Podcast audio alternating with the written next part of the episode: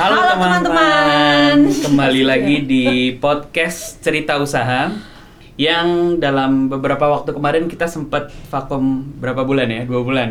Dua, hampir tiga hampir bulan. ya. hampir tiga bulan. hampir tiga bulan. Iya, jadi eh, sepanjang kita sibuk juga masing-masing kemarin banyak sekali pertanyaan yang masuk juga ya di Mm-hmm. Instagram Cerita Usaha. Ada yang DM ke saya juga di Mr. Popo atau Mbak Dewi.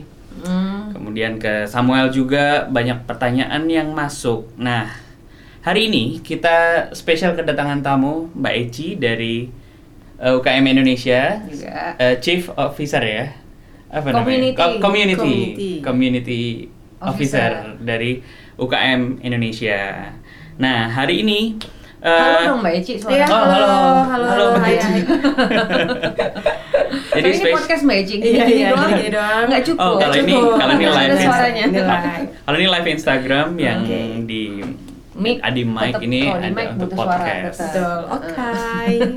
Nah, Siap. eh, dari banyak pertanyaan yang masuk, kita sempat mengkompil beberapa perta- kita menggolongkan beberapa pertanyaan yang Mm-mm. hampir umum sih. Nah, pertanyaan yang paling banyak masuk itu adalah pertanyaan mengenai permodalan. Betul. Banget. Sepertinya sepertinya teman-teman yang baru mau mulai usaha ataupun sudah sudah, Sudah mu- usaha. berjalan usaha itu punya masalah yang sangat besar dengan dunia permodalan. Betul. Mereka bingung sekali. "Eh, kira-kira mau mulai usaha tuh modalnya gimana sih? Mau mulai usaha nggak punya modal. Mm-mm, aku belum mulai dan nggak punya duit sama sekali. Pengen banget usaha tapi bingung nih gimana mulainya. Hmm, Atau yang udah mulai usaha eh, baru baru baru banget punya usaha terus kayaknya kalau nggak punya modal yang besar itu nggak akan cepet gede deh mas gitu. Jadi pertanyaan seputar modal itu banyak sekali menjadi momok buat teman-teman yang baru mulai ataupun sudah mulai tapi belum melangkah jauh. Nah, di sini ada dua praktisi dan akademisi. Mbak Dewi tentu saja dan Mbak Eci nanti kita bahas mengenai permodalan. hmm. Nah, kira-kira ada apa aja sih Mbak alternatif permodalan Oke. yang yang umum di apa ya yang yang biasa teman-teman bisa akses lah di awal-awal ini. Oke, sebelumnya saya mau eh, validasi dulu nih apa kata Mister. Tadi kan yang masuk lewat saluran cerita usaha ya, Mas. Mm-mm, mm-mm. Kalau yang saluran misalnya pesan masuk lewat DM-nya UKM Indonesia di Instagram atau email ke UKM Indonesia sama nggak Mbak Eci? Hmm, itu sama hampir. Banyak nanyain Kayaknya lebih akses dari modal juga nggak? Lebih dari 50% itu pertanyaannya tentang akses modal. Mm-mm. Misalkan kayak bantuan wirausaha pemula, kayak Mm. gimana nih? Terus Mm. Eh, saya pengen mulai usaha atau saya sedang usaha pengen punya peralatan tapi nggak mau pinjem Mm-mm. ada juga yang pengennya ada juga pengennya ngas apa namanya modal Mm-mm. tapi gimana sih caranya itu paling banyak intinya mereka eh, beranggapan bahwa ya modal ini tuh segalanya jadi pengen cari tahu modal Iya. itu bisa dapat dari mana gitu Modal itu buat saya dulu Banyak, juga mm. saya juga waktu mulai usaha pertama kali itu kepikiran banget Mm-mm.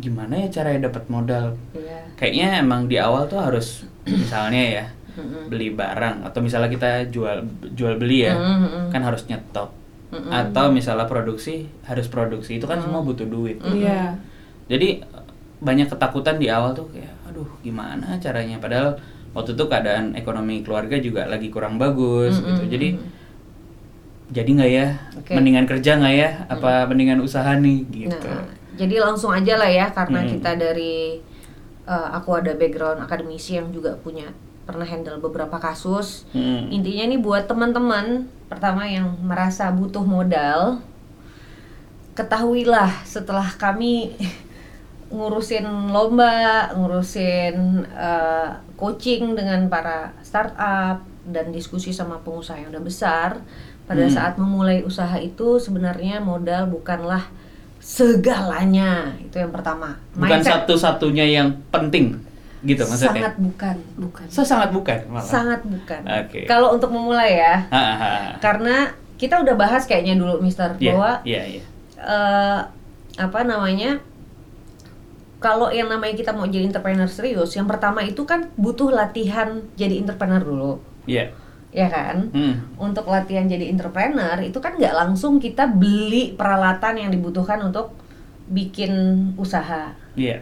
Paling gampang mulai usaha itu latihan jualan dulu. Oke. Nah, kalau mau latihan skill jualan, itu bisa jadi dropshipper, modal dengkul, bisa jadi reseller, modal ratusan ribu, atau modal minjem alat orang. Oke. Iya kan? Jadi banyak cara menuju Roma lah gitu. Nah, tapi overall bagi yang udah produknya sudah apa? Sudah jelas, oh fix nih gue usaha ini gitu. Hmm. Sebenarnya ada beberapa akses modal untuk pengembangan yang bisa dipersiapkan untuk mengaksesnya. Nah, secara umum itu akses modal itu ada empat jenis. Oke. Ya. Hmm.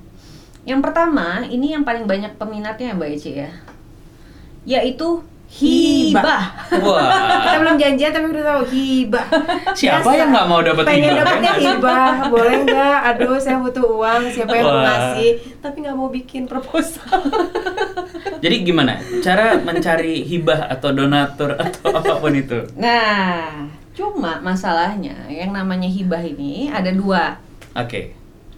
Pertama, hibah personal dari kakek, dari Oke. Dari network. network, Entah jadi keluarga, entah teman. keluarga atau apa gitu. Iya.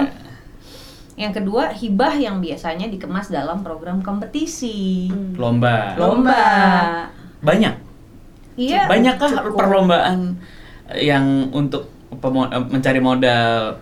Kalau dari Kementerian Cukup lah, Koperasi setahun buat sekali ada deh. 2.500 ya, Kayak, buat 2.500. kayak program-program kayak saya dulu kan ikut eh, startup ya dari Mm. dari Share Life Wire Mm, misalnya. mm, mm, mm. Banyakkah kesempatan banyakkah eh, peluang untuk mendapatkan itu? Nah, kesempatannya banyak. Banyak. Kesempatan Karena lomba banyak. tuh banyak, ada Oke. yang dari kementerian, ada yang Pemda, Iya, BUMN. ya, dan ada yang lain-lain. BUMN ya Mbak Eci ya, terus eh, ada yang perusahaan CSR perusahaan.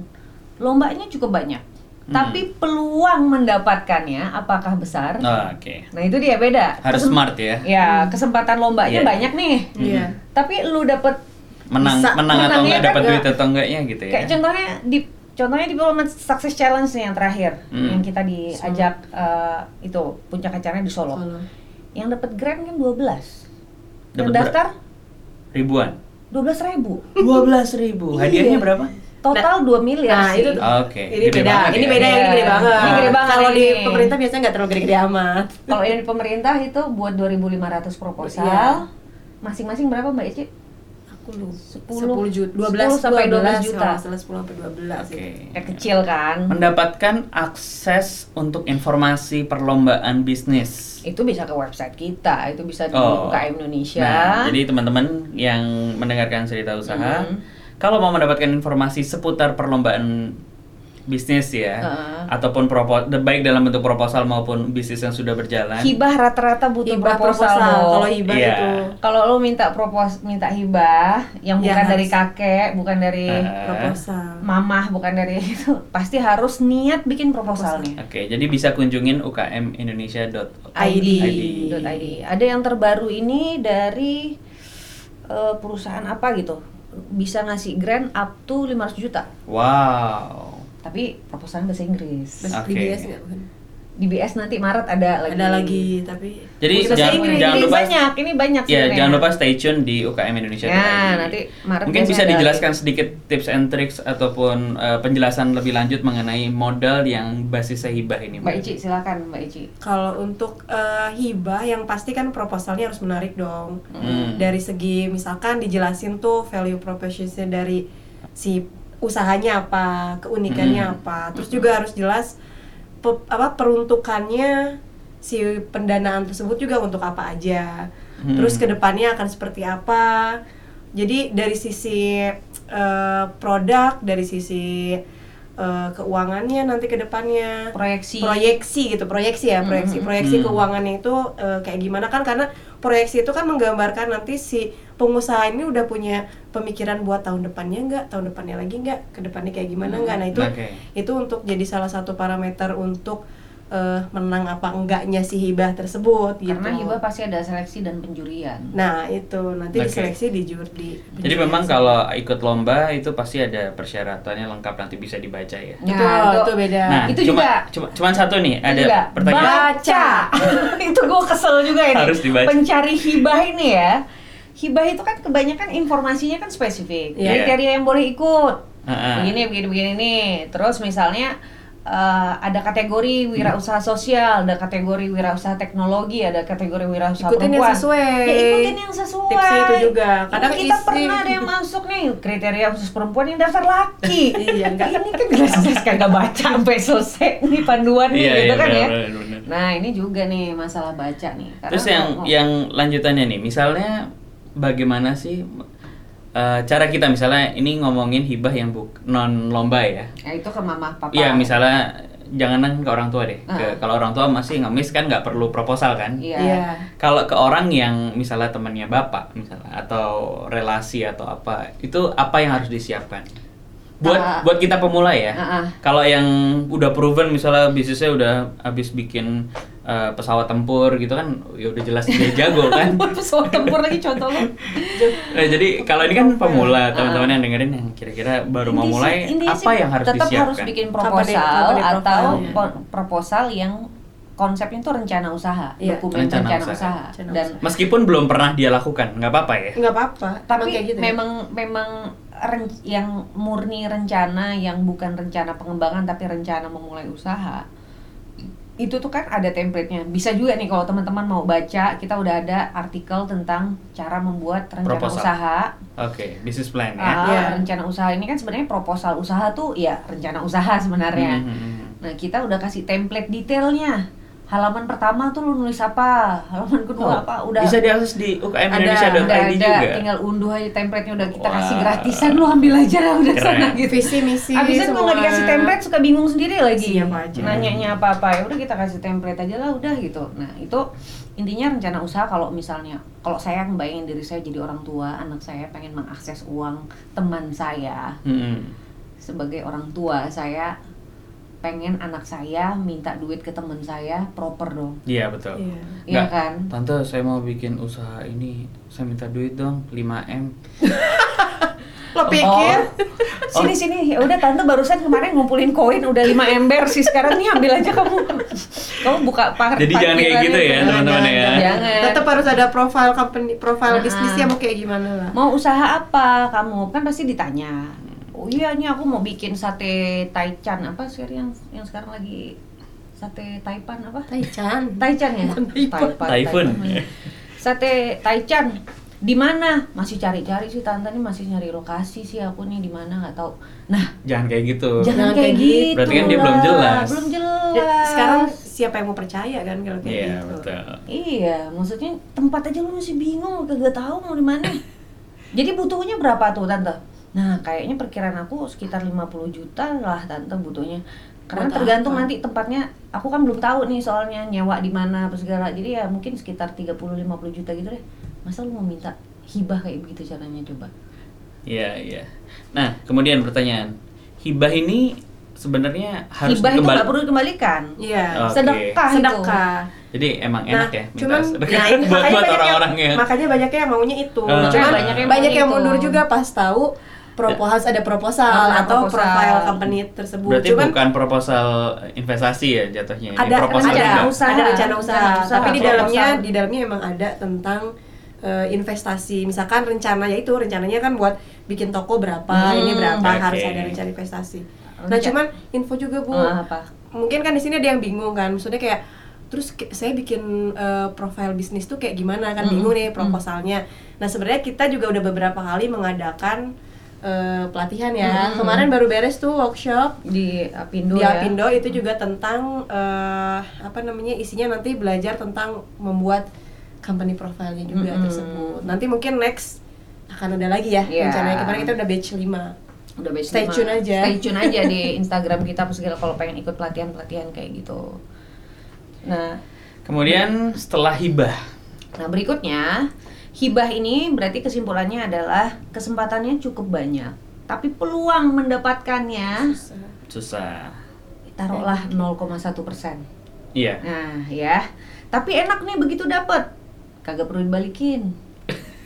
Tapi bikin proposal sama seleksi sama wawancaranya not easy, Bro. Iya, ya, iya, betul. sangat selektif. Sama mungkin kalau teman-teman punya relasi banyak keluarga atau apa, jangan lupa didata dulu ya. Hmm. Iya. Tar- Dibuat list target. Dibuat Eh, list pendonor. target dan make sure siapin rencana usaha Iya, tuh. betul. Kalau- supaya mau minta hibah tuh yang proper lah Iya, gitu loh. betul. Nah, yang kedua, ini yang lebih beredar, lebih mudah kesempatannya. Banyak peluang untuk mendapatkannya, tetap ada peluang gagal tapi jauh Oke. lebih besar peluang suksesnya dibanding dapetin hibah. Oke. Apa itu namanya? Kredit Pinjaman. alias pinjaman. Oke. Nah, pinjaman ini sekarang sumbernya banyak banget. besar. macam-macam juga Ada bank, Mm-mm. ada non-bank. Mm-mm. ke bank dulu ya. Hmm. Bank ini ada pinjaman yang namanya KTA, kredit tanpa agunan, Oke. sama ada kredit pinjaman eh, investasi atau Usaha. kredit modal Modal kerja. Kredit modal kerja. Nah. Oke. Kalau yang KTA ini biasanya plafonnya sekitar 30 maksimal 30 juta biasanya. Nah, namanya KTA, dia nggak perlu minta agunan. Iya. Kayak jaminin motor, rumah eh, rumah gitu itu nggak perlu tapi biasanya diminta sama perusahaan-perusahaan penyalur bank-bank penyalur KTA ini adalah kalau nggak slip gaji which is Mm. nggak relevan untuk pelaku usaha Mm-mm. rekening adalah track record penjualan track record penjualan usaha kita. Padahal belum mulai. Nah, kalau mul- kalau belum mulai nih Susah sebenarnya banget. pinjaman nih agak lupakan lah. Iya, susah Gitu ya? banget. Bukan buat lo, bukan buat lo. Oke. Ini buat yang udah jalan minimal enam bulan Oke. dan Iya. eh, sudah punya track record. Nah, jadi teman-teman yang mau mulai, make sure pertama rekening usaha itu harus dipisah. Mm-mm. Ya, tuh satu harus dipisah. Yang kedua, kalaupun kita masih melayani penjualan tuh offline, Iya. misalnya terimanya duit tunai, Mm-mm. ah gue berhasil nih jualan eh, apa beras gue laku eh, 20 kilo hari ini 20 kilo tuh berapa ya? Dikit ya? Dikit Ya, ribu. dua, dua juta lah. Du- Dua ratus ribu. dua ribu buset deh nah dua ribu nih gitu Hmm. ya dua ribu dicatat jangan lupa Terus Nah, di storein.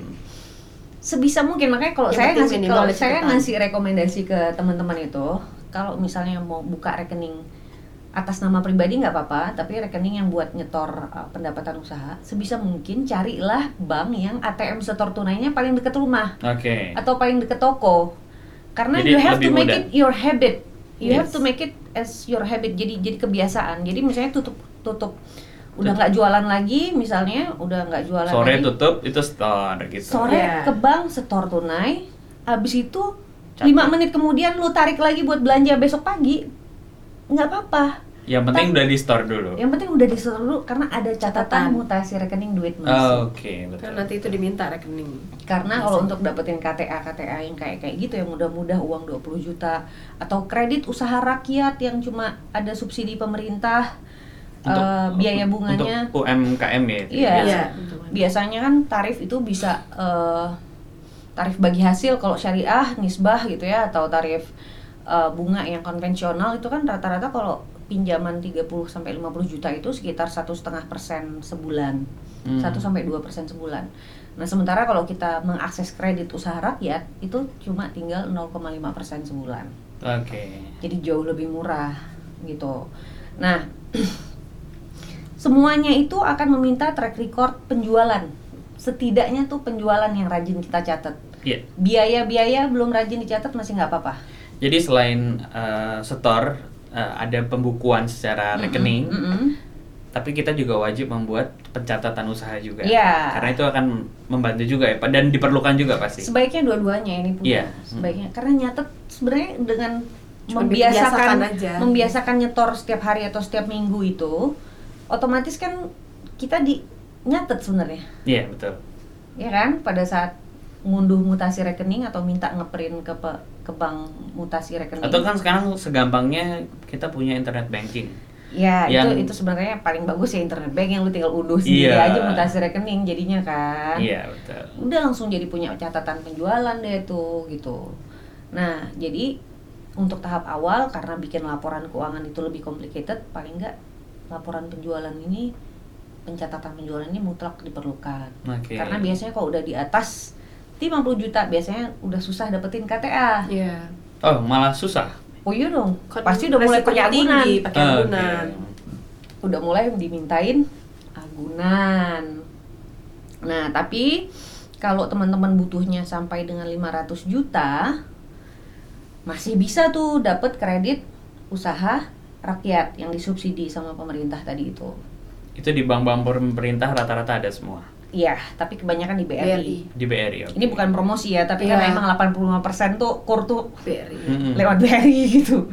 Nah jadi em, yang perlu di teman-teman pahami soal kur ini adalah selain disubsidi biaya bunganya, dia itu kan dijamin oleh pemerintah, Mm-mm. tapi dijamin cuma 70%. Oke. Sehingga teman-teman akan tetap dimintain Aduh. jaminan biasanya sama bank itu. Cuma bedanya kalau Anda kalau teman-teman mau minjem uang pinjaman komersial ke bank lain, Hmm. misalnya mau minjem 200 juta, Hmm. Nah, biasanya aset yang harus dijadikan agunan nilainya Lebih. harus di atas. 200 juta. Harus Iya. di atas 2 juta. Nah, Oke. tapi karena kredit usaha rakyat ini adalah kredit program yang mana pemerintah tuh membayar biaya premi penjaminan kreditnya Kredit. untuk cover 70%, Maka 30 persennya paling nggak dia paling nggak segitu. kamu punya agunan yang nilainya 30% dari nilai yang kamu mau pinjem. Oke. Misalnya kamu pinjemnya 100 200 juta lah ya. 100 juta Bulat deh. ya.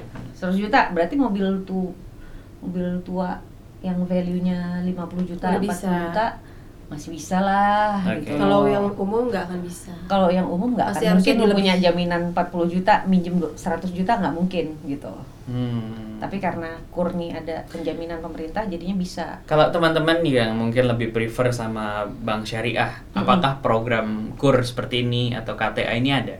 KTA ada. Di perbankan syariah. Harusnya ada, harusnya ada di di perbankan syariah kalau KTA setahu saya ada. Cuma sayangnya kalau skema kredit usaha Kur rakyat nggak Ah, belum ada. ada. Belum Benar-benar ada. Bank negara Belum ada. yang Belum ada versi Kalau untuk syariahnya. kalau untuk versi syariah, eh, Belum model ada versi model syariahnya. model pinjaman apa sih yang bisa tersedia buat teman-teman bisa Sama. akses di perbankan ini? sama aja. Selain kur, Ah, Iya, ma- sama. yang normal ya artinya Iya, pinjaman. akan pasti pinjaman. dimintain agunan.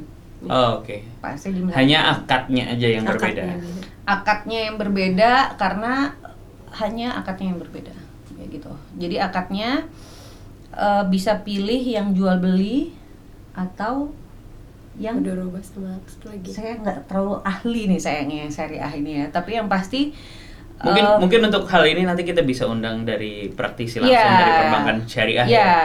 Karena ini kan s- banyak berbeda. Syariah. banyak Iya, berbeda, beda. banyak berbeda. Tapi intinya secara umum saya soalnya pernah juga mau mengakses pinjaman syariah dari beberapa bank. Mm-mm. Intinya kalau di atas limit KTA, KTA sama kalau KTA dia mintanya slip gaji Hmm, atau hmm. catatan suatu. Mereka perlu melihat arus pendapatan yang rutin Ya, baru bisa dapetin KTA. ya.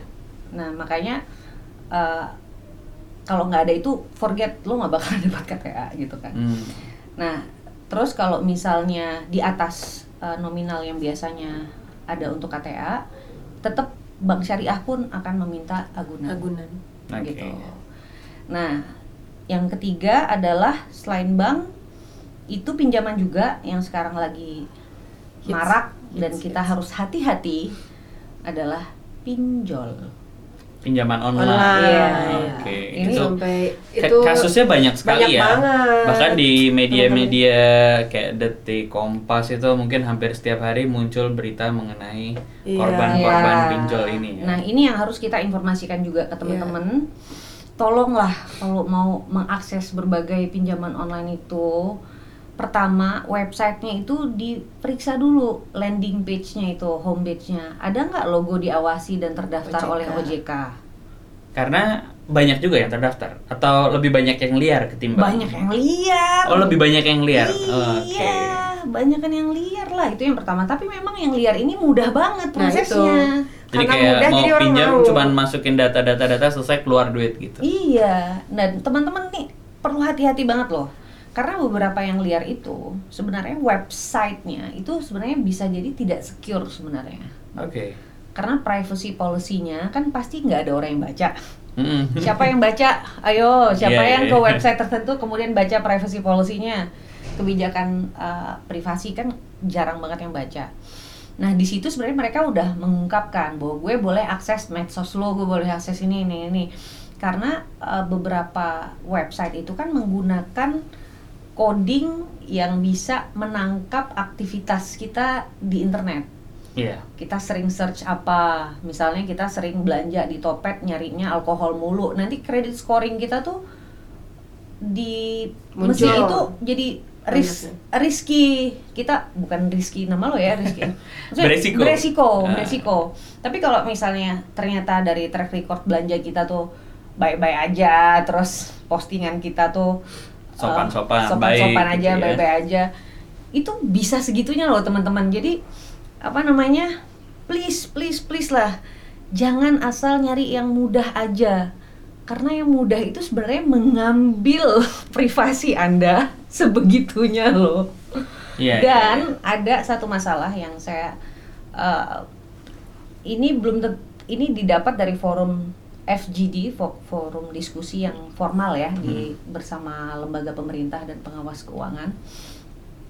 Jadi sesama website pinjol ini ada ke eh, semacam keanehan dimana jika kamu nih misalnya Rizky Ardi Nugroho Mm.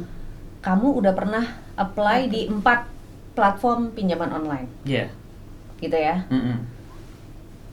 dari empat platform kamu minjem ini empat empatnya kamu ditolak Mm-mm. pas kamu mau minjem lagi kelima kamu tuh kayak udah nggak ada harapan lagi Buat dipinjem. buat Dipinjemin. dipinjemin bukan karena track record kamu meminjam tuh buruk orang kamu nggak pernah minjem Mhm. Hmm. Cuman karena tadi cuma karena platform lain sudah pernah menolak kamu Iya, iya. iya. sehingga platform lain curiga banget sama kamu. Nah, so track record kita di internet itu ada yang monitor teman-teman. Sehingga pada saat kita mau beraksi, login, register, apply atau minjem, tolonglah pikir lebih dari dua kali. Gitu loh. Jadi jangan asal-asal mudah doang karena sekarang ada keanehan itu waktu itu kami nggak setuju juga loh kok kok lo menilai resiko kredit seseorang bukan dari eh, apa bukan dari Track recordnya. track record, Track dia record. tuh beneran amanah nggak ngebalikin tapi eh, berapa kali dia ditolak oleh platform lain Pinjaman itu kan online. agak nggak fair juga kasihan Hmm.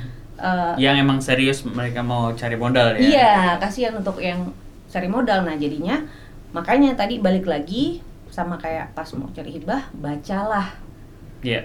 Jadi waktu mau misalnya di platform ini saya sebutin aja ya beberapa yang yang diawasi OJK aja ya. Hmm. Yang di luar eh, kan kayak yang lumayan kredibel itu ada modalku, ada eh, amarta.com, gandengtangan.co.id, terus kemudian eh, sebentar. Pinjol ada yang Otomatis. Gerbadi, Gerbadi. Gerbadi. pinjol ada yang syariah juga. yang syari Harusnya Ah. ada sih, cuman nggak terlalu kayak belum belum dikenal. viral banget deh bos Hmm, Belum viral ya. yang udah viral tuh modal rakyat juga ada Iya, benar. modal antara modal rakyat modal antara karena akadnya amarta.com itu syariah Amarta. Oke. amarta.com itu syariah Oh, Amarta ya. akadnya udah banyak. karena saya minjemin uang ke usaha mikro lewat amarta Oke. jadi kontraknya itu eh, ka- eh, apa namanya akad syariah mudarobah kalau nggak salah Oke. Nah, jadi ibu-ibu yang uh, membeli menggunakan pinjaman itu udah harus jelas mau beli apa aja. Jadi akadnya tuh Amarta yang beliin dulu nih barang, terus gue jual lagi ke lu Oh, Oke. Hmm, itu baru. dengan harga margin ya bu, pakai margin ya bahasanya kan margin. Hmm. Kalau misalnya uh, Syariah. syariah, Syariah. gitu. Amarta.com itu uh, akadnya syariah. Oke, selanjutnya setelah pinjol ada apa lagi? Pinjaman leasing. Pinjaman leasing. Nah, leasing ini cocok untuk bisnis yang jelas emang butuh infrastruktur tertentu. Misalnya gue jualan jus, butuh Leasing. kurir, beli motor, pengen beli motor baru, ya nggak apa-apa leasing. Hmm. Pinjem uang leasing itu juga nggak pakai jaminan kan? Karena barang yang kita beli itulah agunannya. Jaminannya. Iya.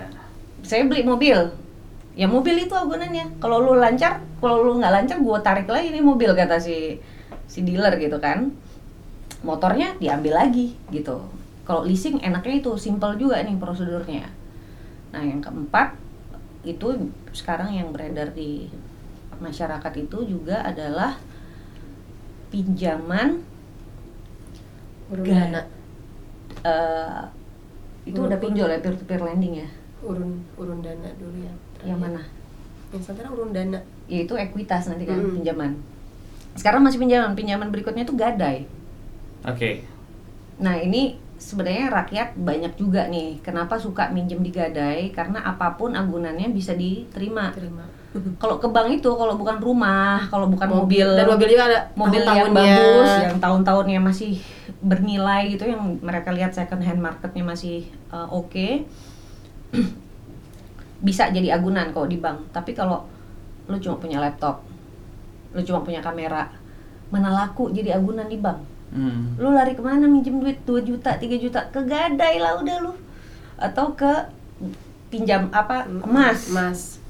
punya emas nah bisanya minjem uang itu ke gadai Oke. gitu nah cuma ini s- untuk bisnis gue nggak rekomen banget ya karena mahal pertama biayanya biasanya mahal yang kedua gadai ini biasanya cocoknya buat kebutuhan yang benar-benar mendesak Iya, Konsumsi. Kebanyakan Yang gitu ya. mendesak. kebanyakan mendesak misalnya gimana mbak Eci? sakit atau apa sakit ya, kadang-kadang ya. karena mereka nggak asuransi kecelakaan bis Kecelakaan, kecelakaan perlu harus nabrak apa orang terus harus ngegantiin Hmm. cepet yang butuh Wah, cepet, butuhnya dan cepet. ada ada jaminan. karena ini keunggulan si Gada ini cepet lu bawa aja laptop lu Hmm. udah dinilai sama penilainya Iya, iya, Langsung. iya. langsung keluar gitu Oke. nah itu itu pinjaman berikutnya yang Hmm. tadi Mbak Eci udah sempat mention juga adalah tadi kita udah bahas oh ya hibah, Hibah, pinjaman, pinjaman. pinjaman Iya. sekarang penanaman Modal. modal. Oke, penanaman. ekuitas istilah kerennya. Sama investasi sama. Nah, Ah. itu dia investasi itu Bahasa rumpun ba- bahasa atasnya. bahasanya, oke. Bahasa atasnya bagi investor, ini gue gue investor Bisa apa nih? minjemin. Investor yang minjemin ya gitu Mm-mm. atau gue investor yang nanamin modal atau ke perusahaan investor yang lo? ngasih duit tadi atau investor yang angel mampus itu yang ngasih duit aja. Ngasih duit Gue aja. suka sama ide lu nih, 50 juta gue kasih lu grand Mm-mm. hibah. Ada Gitu, juga bisa ada juga kayak gitu Mm-hmm. Iya, iya, Iya, itu iya. disebutlah angel investor, Angel, juga kayak gitu, angel. kayak malaikat gitu. Jadi investor tuh istilah rumpun atasnya justru mister. Oke, jadi apa yang di- harus disiapkan tentu saja tetap sama ya. Nah, kalau misalnya yang ketiga ini Mm-hmm. kan penanaman modal. Hmm, Artinya, misalnya tadi kita kembali ke usaha jus misalnya. ya. Instead of gue minjem duit baik akad syariah maupun eh, konvensional, semuanya kan harus dicicil balik, Iya, betul. ya kan? Mm-mm. setiap Tapi- bulan ada ada tanggung jawab Iya, setiap bulan harus ada yang kita cicil. Tapi yang ngasih pinjaman, investor yang ngasih pinjaman bisa nggak ngerecokin isi dalam perusahaan? Belum tentu. Nggak bisa. Nggak bisa. nggak bisa Mm-mm. Apalagi kalau kamu lancar bayarnya ke aku. Iya, iya. ditawarin terus Nggak ada urusan, gue nggak suka nih. Kalau nggak, gue nggak suka nih sama marketing manager yang ini ganti. Gitu. Mm-mm. Nggak mungkin kan, bank Hmm, Iya, atau iya. leasing atau Iya, nggak perusahaan mungkin. gadai ngomong kayak gitu kita nggak mungkin. Tapi kalau kita shake hands atau berjabat tangan sama investor yang menanamkan modal, nyetor dananya ke kas perusahaan, Mm-mm. ditukar dengan saham. Nah, Itu dia kepemilikan, kepemilikan ya. Kalau udah saham itu kan kepemilikan. Mm-mm. Nah, maka otomatis pertanyaan-pertanyaan tadi jadi relevan Oke. gitu jadi eh, apa namanya dan sekarang itu lumayan hype di Indonesia lumayan lah ya untuk startup ada yang investor mau nanamin uang untuk UMKM udah lumayan bahkan ada juga yang tadi pinjol kalau beberapa fintech financial technology ada yang eh, solusinya ngasih pinjaman kayak yang tadi saya sebut amarta.com, modalku, coinworks, modal rakyat, modal antara terus dan lain-lain itu tapi ada juga yang eh, fintech yang solusinya penanaman modal Oke. Ya, ekuitas nah salah satu partner kita itu Santara. Santara santara.co.id Iya. nah ini bagi perusahaan-perusahaan yang pengen ekspansi Tapi kalau Hmm. untuk ekuitas ini karena resikonya lebih tinggi ya. Investor kalau nanamin modal ke kamu Mm-mm. sebagai ekuitas cuma ditukar sama Dividen. 20% saham, Iya, iya. 30% saham, 10% saham. Itu kan kalau perusahaan kamu bangkrut, uang saya ikut bangkrut. Iya.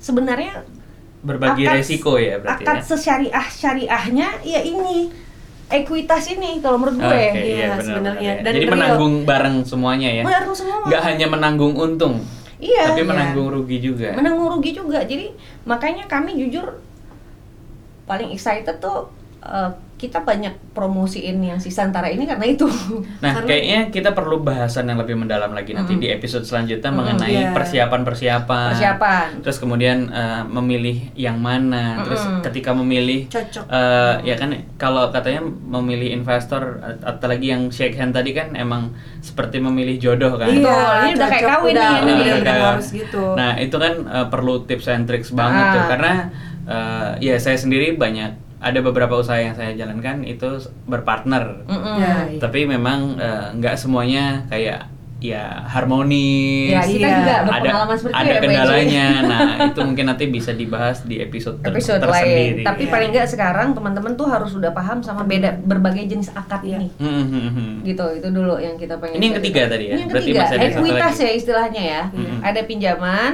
ada ekuitas Oke, Eh, ekuitas. Nah, ekuitas tuh ini sebenarnya sesyariah syariahnya akad ya ini gitu loh. Karena yang nerima uang harus mau transparan. Hmm. Yang tadinya laporan keuangan cuma lu doang yang lihat, ntar dia Harus juga boleh lihat. Bagi lah. Dan dia juga berhak untuk mengatur juga ya. Iya. Tergantung shake hand-nya gimana Tergantung ya. shake hand. Saya gimana? Tapi yang Segimana pasti ngaturnya. keuangan gue juga harus boleh lihat. Iya. Orang gue pemilik, masa gue nggak boleh Iya, melihat iya, kinerja benar, benar, perusahaan. Terus yang kedua adalah saya jadi boleh berpendapat juga dengan eh, kondisi perusahaan baiknya gimana. Gitu. Kalau berpendapat mempengaruhi itu tergantung nilai sahamnya nggak sih? tergantung perjanjian kok Tergantung Dari perjanjian. pengalaman kita kalau Meskipun pengalaman- misalnya 20-30% tetap Iya. bisa. ya Bisa. karena saya pernah pengalaman gue cuma punya misalnya 10% gitu tapi gue minta setiap keputusan Dilibatkan. Dari awal itu. jadi keputusan diambilnya bukan berdasarkan proporsi Besarnya. saham tapi ke orangnya jadi Oke. cara itu nanti kita bahas lagi Iya. caranya gimana caranya ya ada orang saya yang ditaruh jadi komisaris Oke. nah jadi kan komisaris kan kalau laporan direksi harus disetujui sama komisaris, Komisaris. Hmm, hmm, hmm. Nah, caranya ada trik-trik kayak gitu itu dibahas nanti sendiri Ya, aja. Itu detail banget Itu soalnya. udah ya. Iya. detail banget, itu Iya. udah detail banget, detail banget. Nah, di- Itu yang ketiga, berarti kita udah bahas hibah. Hibah, Pinjaman. pinjaman, dan Ekuitas. ekuitas. Ekuitas. Yang ketiga ini project Yang keempat. financing. Yang Yang keempat ini project financing. Project investment. Saya malah baru denger nih. Nah, Apa itu? bahasa Indonesianya itu kemitraan. Oh, kalau itu udah sering dengar. Tapi kalau term investasinya itu biasanya orang nyebutnya itu penyertaan modal proyek gitu. Ah. Nah, proyek jadi maksudnya gini. Lo mau buka cabang restoran lo, Mm-mm, mm-mm. ya kan? Tapi lu baru tiga tahun nih, belum punya sertifikat waralaba, Oke. ya kan? Mm-mm, Kalau franchise kan minimal lima tahun Mm-mm. dan udah laba tiga tahun terakhir, Oke. baru keluar sertifikat resmi waralaba itu bisa diproses. Jadi waralaba itu juga nggak sembarangan ya? Nggak sembarangan. Kalau yang Karena kan franchise banyak- beneran, Nggak, karena banyak eh, ada teman-teman ya misalnya wah bikin Udah usaha nih franchise gitu nanti ya. mau bikin franchise ah gitu kan. nah Mungkin itu ya kemet- kemetiraan yang seperti ini sehingga ya. karena yang nggak sabar ini waralaba gue lama banget deh gue nunggu waralaba gue lama sehingga yang trendy sekarang itulah kemitraan namanya. Ah, Oke. Hmm. Mm-mm. Tapi salah term saja mungkin ya mereka. Iya, karena Kemitraan waralaba tapi mereka sebut itu war- sebagai waralaba gitu. harusnya salah. Karena ada rules-nya juga Ada ya. rules-nya. Nah. Kemitra- Beda. franchise itu minimal lima tahun dan at least tiga tahun laba. Mm-mm. Baru lu dapat Bisa. sertifikat waralaba. Karena kan banyak yang niatnya wah ini baru bikin satu percontohan dan langsung Laku, waralaba Uh, langsung gitu. merasa franchise itu di mana-mana. Nah, gitu. gitu kan. Bukan. Nah, biasanya yang mereka kemas tuh jadinya project investment. Jadi yang Hmm. Mm-mm. investasi tapi bukan ke perusahaan, Hmm. Mm-mm. tapi ke project in- ekspansinya suatu perusahaan. Jadi misalnya saya punya usaha A restoran karena- paling gampang Iya, paling banyak restoran tuh ya, restoran kuliner ya. atau Kuliner. restoran paling banyak ini restoran atau yang booth booth minuman gitu gitu loh minuman. Iya, misalnya saya punya toko Iya. kue nih, karena di Depok nggak kejangkau sama saya, saya bermitra dengan Mbak Dewi gitu. Mm-mm. Mbak Dewi mau nggak invest tapi ya di toko itu kan? Di toko itu aja, bukan di bukan Depok di aja. toko semua kan? nah bukan Oke. per project Iya. aja per project aja atau biasanya yang sekarang banyak juga di pertanian Mm-mm. Misalnya saya udah punya tambak lele 5 tambak. Saya udah tahu metode bikin lele yang yang sehat, yang dumbo, yang nih saya pengen nambah ah jadi 20 20 kolam. Hmm. 5 kolamnya punya saya sendiri. 15 kolamnya ini mau nggak saya Mitra. partnerin ya siapa tahu ada yang punya tanah atau mau ngemodalin bikin kolam tapi metode metode ternaknya dari saya karena saya udah punya contoh sukses dari lima kolam punya saya sendiri nah metode membesarkan lele ini saya yang eh, urus terus kemudian lele yang dihasilkan oleh mitra pasti saya beli Hmm, ya ada kan? jaminan ya. Ada jaminan.